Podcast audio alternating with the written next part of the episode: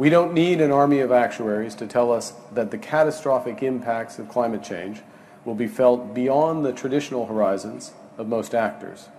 It will impose costs on future generations that the current one has little direct incentive to fix.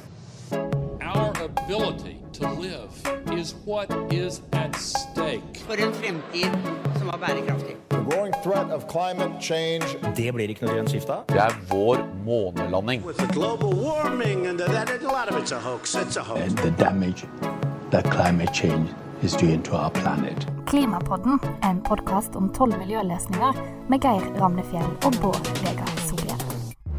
Bård Vegard, i dag så skal vi gå inn på et relativt eh, nytt begrep som har fått mer og mer oppmerksomhet det siste året. Eh, vi skal snakke om klimarisiko. Det er litt teknisk, men det er egentlig ikke så komplisert. Det er mer en ny måte å tenke på. Eh, og jeg tror det er en ny måte å tenke på som vi må venne oss til å tenke mer på framover. Det tror jeg du har helt rett i, Geir. Fordi vi har jo alltid snakka mye om ja, kommer klimaendringene, hvor sterke er de, og, og hva skal vi gjøre med det? Men klimarisiko handler om hvilke typer risiko samfunnet utsettes for pga. klimaendringene som allerede er i gang. Og Det var den britiske sentralbanksjefen Mark Carney som kanskje først satte søkelys på det i en tale for noen år siden som har fått mye oppmerksomhet. Now, there are three channels through which climate change can affect financial stability. Og Han delte da i tre typer klimarisiko. Og Det første er jo fysisk risiko, som kan uh, uh, være f.eks. at klimaendringer påfører store skade, stor skade på natur og infrastruktur. First are physical risks, or the impacts physical risks, familiar to virtually everyone in this room. Og her er det jo på en måte de mest kjente eksemplene. Det er havnivåstigning og ekstremvær, tørkeflom, Mm. eh, villere og våtere vær, og all på en måte, den skade det kan påføre boliger som eh, er, er utsatt til, eller andre bygninger. Helt riktig. Og, og det andre, det er ansvarsrisiko. The second are liability risks, or the impacts that could arise tomorrow if parties who suffered loss or damage from the effects of climate change seek compensation from those they hold responsible. Som da mer handler om at de som har ansvaret for store klimautslipp, stater eller selskaper osv., kan få søksmål mot seg. Ja, riktig. Altså at det er eh, Folk saksøker enten land eller selskaper som de mener rett og slett har påført dem skade gjennom den virksomheten de har gjort, og ikke tatt nok hensyn til klimaendringene og hva det kan påføre av andre skader. Som tobakksselskapene Ja. har blitt eh, gjennom, altså, utsatt for søksmål fra, fra tidligere røykere. Godt poeng. og Da, da kan f.eks. selskaper bli sittende med en, et ansvar for det, og det utgjør en risiko for dem. And finally, transition risks, or the financial risks that could result from the very process of adjustment to a lower carbon economy. The speed at which that adjustment, that repricing occurs, is uncertain and could be decisive for financial stability. Og det, og det tredje det kaller han overgangsrisiko, kanskje karbonrisiko, hadde vært et like godt eh, begrep.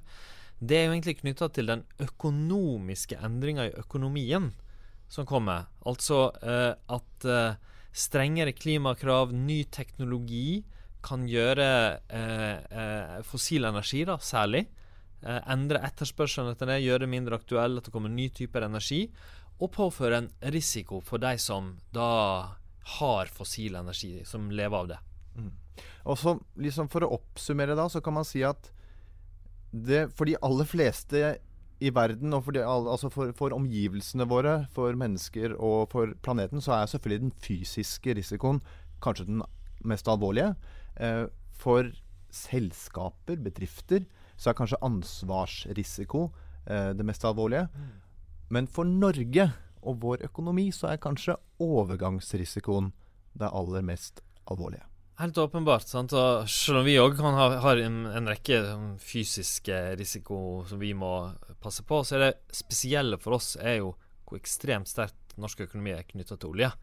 For mange land vil det være motsatt. Hvis du importerer olje, eller hvis du er en stor fornybarprodusent, mm, først og fremst, så ser det helt annerledes ut. Men for Norge så er det helt åpenbart eh, eh, sånn at eh, vi kan bli som stat påvirka av det. For vi har store inntekter, både direkte og indirekte, fra eh, olje og gass på sokkelen.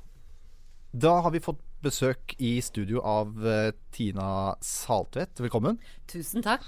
Eh, du eh, har vært eh, mye i mediene i forbindelse med oljepolitikk og oljedebatt. Du har vært oljeanalytiker og mye brukt ekspert, og nå har du eh, utvida virksomhetsområdet kan du si, fra å være oljeanalytiker til å være bærekraftsanalytiker i Nordea. Dvs. Si at du både, både analyserer oljemarkedet, men også da det fornybarmarkedet i tillegg.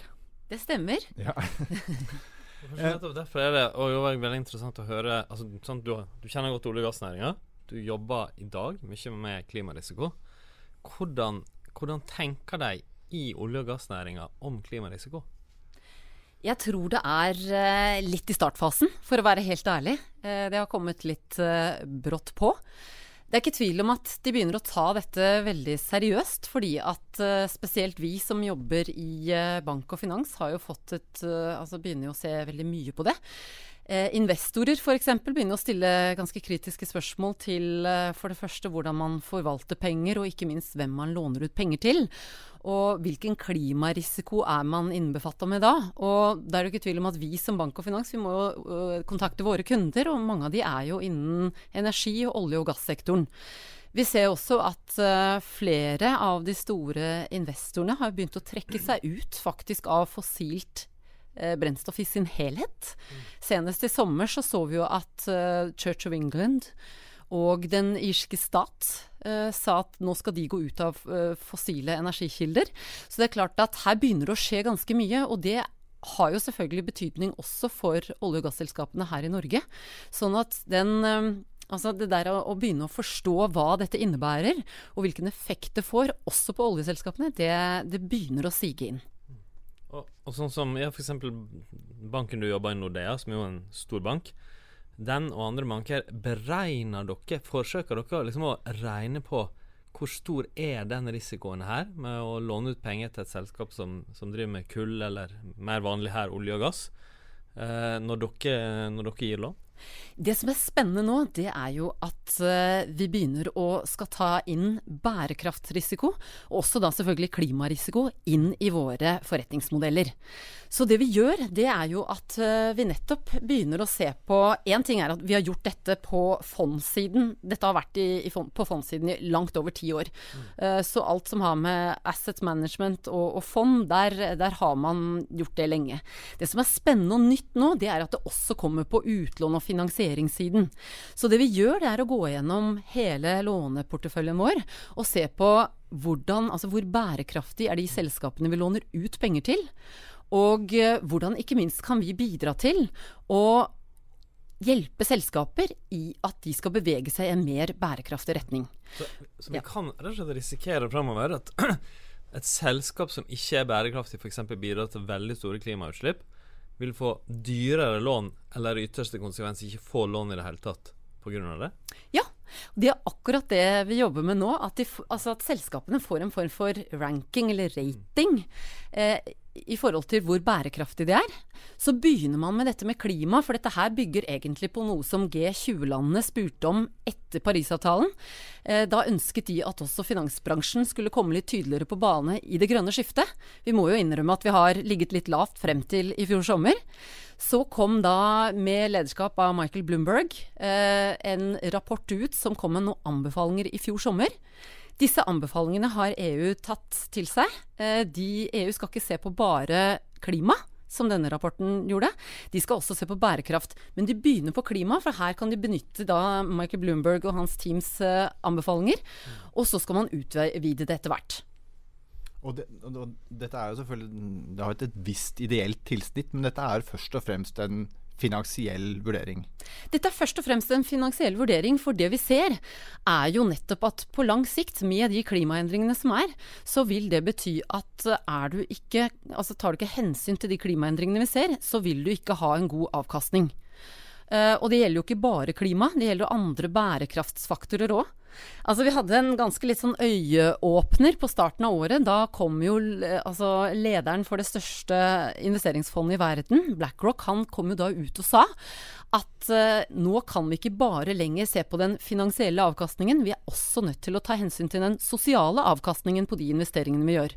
Og det er klart at når verdens største investeringsfond går ut og sier noe sånt, da setter man en, uh, setter man, sant, en trend i markedet. Og det ser vi at det, der begynner å komme endringer.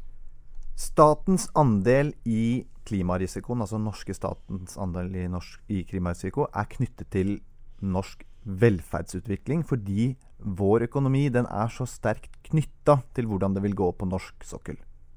Ja, det stemmer. Og, og vi er jo knytta til olje og gass kan du si, på to måter. Direkte gjennom de altså direkte inntektene som kommer fra at vi selger og, altså produserer og selger olje og gass, med kjempestore inntekter til statskassa. Men, men synkende. Men synkende, det er riktig. Uh, men òg indirekte. Uh, og det er nå blitt de inntektene er blitt større, for vi har putta masse av de inntektene i petroleumsfondet, investert de, og avkastninga av det er blitt kjempestor. Og, men det petroleumsfondet det er òg investert i ganske mye olje og gass rundt omkring i verden. Og det er bl.a. det som nå har ført til en debatt i Norge om vi skal trekke oss ut av kull, som vi allerede har beslutta, og nå olje òg. Også fordi rett og slett vi har så mye av Norges eh, pengebinge investert i fossil energi. Eh, Norge de, vi ser jo gjerne på oss selv som et foregangsland når det gjelder klima og miljø. Men her ser vi at vi har insentiver som virkelig trekker i motsatt retning. Ja, det er, det er nesten bakvendt. Fordi dersom klimapolitikken feiler fornybar energi ikke slår gjennom, og vi liksom bare styrer mot mange graders oppvarming, så vil jo norsk økonomi bli veldig lite ramma. Da kan olje og gass produseres og selges lukrativt i mange tiår framover. Men hvis klimapolitikken lykkes, hvis batteri blir billigere og sol og vind eksploderer, som mange tror, da vil overgangen for norsk økonomi bli mye større. Eh, så litt sånn enkelt, hvis vi tror på at verden vil lykkes i det vi sjøl sier i Norge og er enige om, nemlig at vi skal holde togradersmålet, ja, da er det en skikkelig utfordring, den overgangen for oss. Mm. Så Det betyr altså at selv om da oljen, som vi betrakter som veldig lønnsom, det er en risiko for at det motsatte vil, vil skje.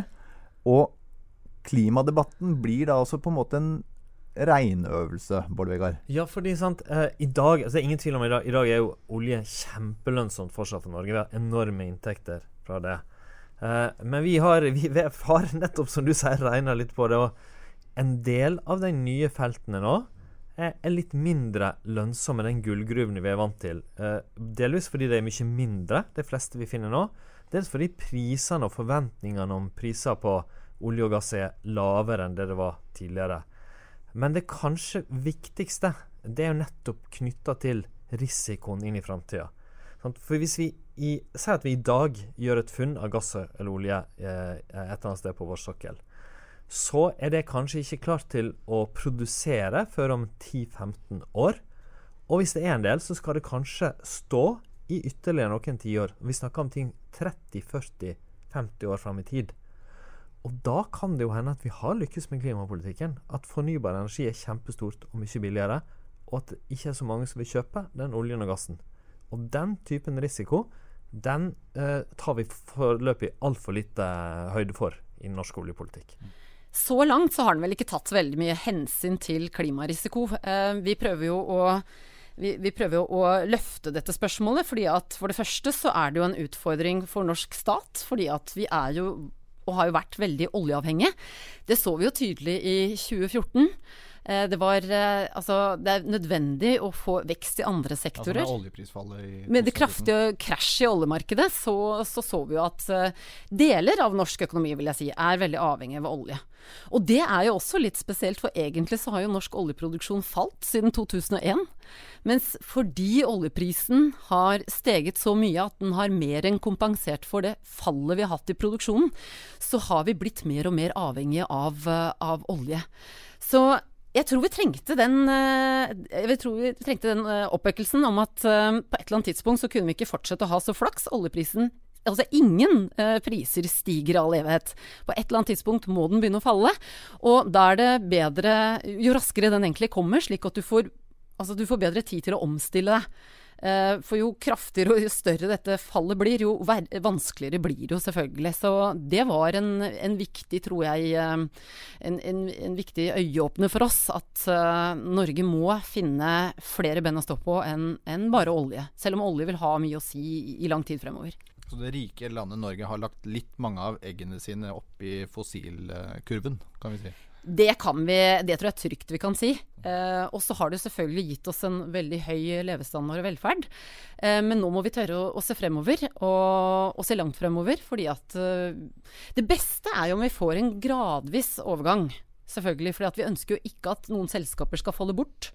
Og vi ønsker jo ikke at um, og vi ønsker ikke at arbeidsplasser skal gå tapt. Så vi ønsker en gradvis, hvis det lar seg gjøre, overgang. Um, for det vil jo kunne bidra til at selskapene får tid til å omstille seg. Folk får tid til å omstille seg, og så kan du skape vekst i andre områder. Du følger jo energimarkedene tett. Hvilke trender er det Norge bør være oppmerksomme på? Som i dag, som et uh, olje- og gassproduserende og eksporterende land, så må vi virkelig ha øynene åpne for at det kan komme skifter i etterspørselen her. Og det syns jeg kanskje det har vært lite fokus på her i Norge. Fordi at uh, vi snakker mye om at det skal åpnes nye områder for ny produksjon, og at utfordringen vår ligger på tilgang til nye reserver. Men det kan jo faktisk hende at vi kommer til det punktet hvor etterspørselen etter vår olje og gass plutselig faller kraftig. Vi skal jo huske at eh, for det første er det en teknologisk uh, stor endring som er på gang, spesielt på transportsiden. Som faktisk, altså Transport utgjør jo mer enn halvparten av all, all olje vi bruker i verden.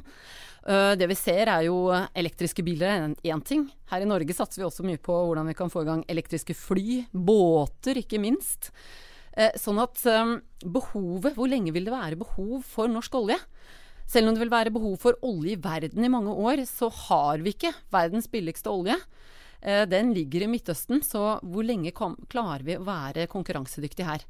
Så disse trendskiftene her, eh, de kan gå ganske fort. Teknologiske utviklinger den, den går som regel ikke lineært. Vi økonomer vi liker jo at ting skal gå lineært og gradvis. Men dessverre så gjør det ikke det for teknologi.